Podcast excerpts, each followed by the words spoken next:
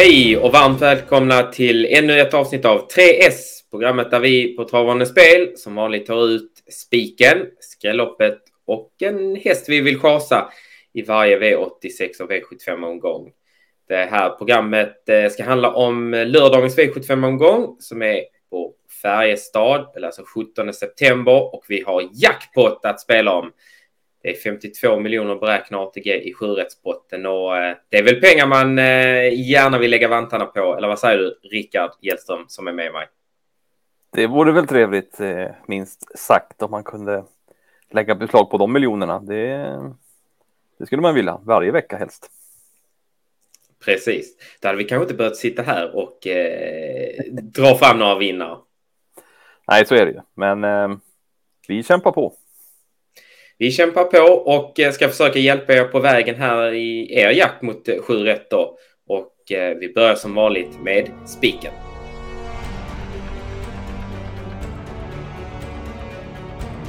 Färjestad, det innebär Unionstravet och Unionskampen då i första hand som är ett kallblodslopp då som har samlat eh, några norska och svenska kallblod som ska göra upp eh, om den återvärda titeln. V75 3 och det är också där vi hittar vår spik. Eh, ska vi dra den direkt, Rickard? Det tycker jag. Det är nummer åtta, Odd Herakles, som eh, vi kommer spika. Eh, hästen har ju eh, en bra uppgift helt enkelt framför sig och ja, just nu när vi spelar in det här är han inte alls så stor favorit som vi skulle spekulera i innan att han borde vara och ska bli så att eh, vi tycker både en bra spik och som procenten sitter nu på 59 procent när vi spelar in det här så får vi väl nästan säga att det är en spelvärd spik också. Ja, det är väl kanske inte ofta man säger dem, men 60 eller 59 procent Men eh, ska vi avslöja var vår segerchansvärdering ligger? Eh, det kan vi göra. Varsågod. Det är 74 har vi satt den i, så att eh, det, det, finns en del att hämta fortfarande. Exakt. Ser vi här att eh, 10 mål lycka AM är 22 procent och det är faktiskt inte ens vår eh, ranking tvåa i loppet. Så att eh, för oss var det väl givet att gå på Odd Herakles. Mm, och han, eh, ja, trots sin ålder på 12 år så ser man ju inga direkta krämper här nu. Eh, de här senaste loppen har ju sett väldigt fin ut och vunnit lätt.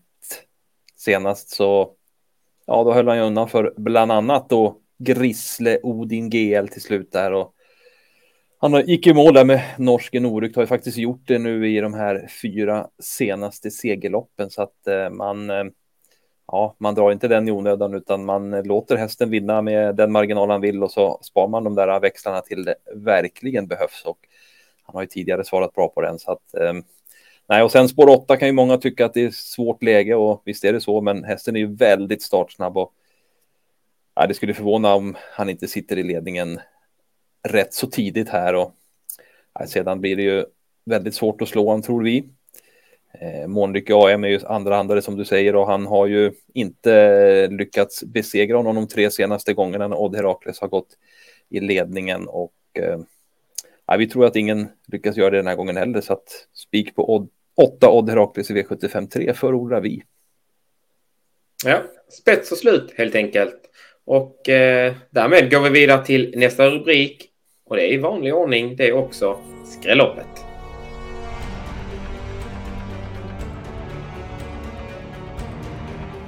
Skrälloppet tror vi inleder eh, lördagens V75-omgång. Vi går nämligen till V75 1.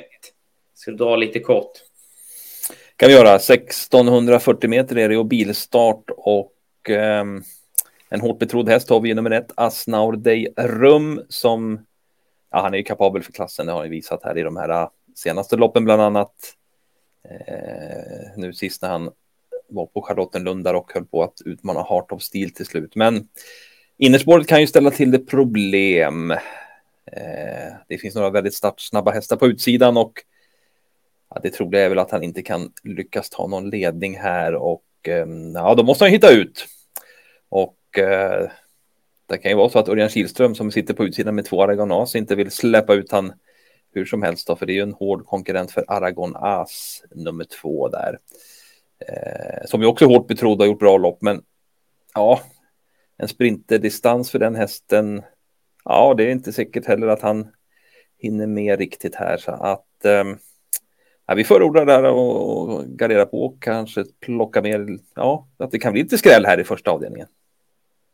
Mm, man ska väl, vi ska väl nämna det att just innerspår på Färjestad det är eh, svårt att hålla ledningen från. Det, det, är väl i paritet med Eskilstuna nästan i, i svårighetsgrad. Dessutom då brukar ju Färjestadbanan vara pilsnabb.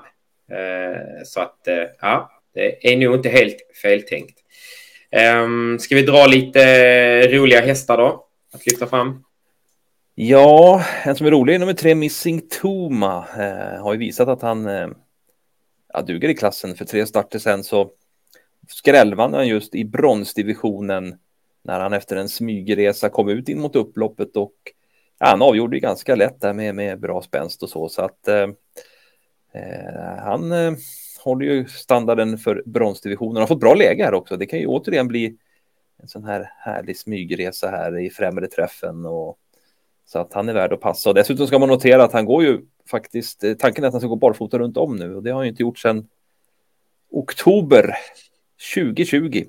Man har bara gjort eh, två barfota starter, vann en gång och den andra gången då galopperade han som trolig vinnare.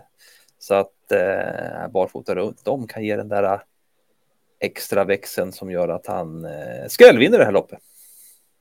Ja, 3 procent i nuläget. Den tar vi. Tackar. Um, exakt. Hur, uh, ska vi nämna någon mer? Jag ser det i någon annan också som det lyser barfota på. Mm. 10 Prosecco lyser det barfota på. Och det här är en häst, ja, en härlig häst som har en väldigt stark avslutning. Men han har haft problem under sommaren och inte startade då på ett tag, men gjorde nu nyligen comeback här och har fått lopp i kroppen och gick ganska bra då. Så jag har gått framåt med det. Jorma Kontio upp och eh, ja, den här hästen ska man passa till den här låga procenten. Härligt. Då har vi två skrällar där att bjuda på och eh, avslutar där med rubriken Skrälloppet och går vidare till sista som är omgångens chans.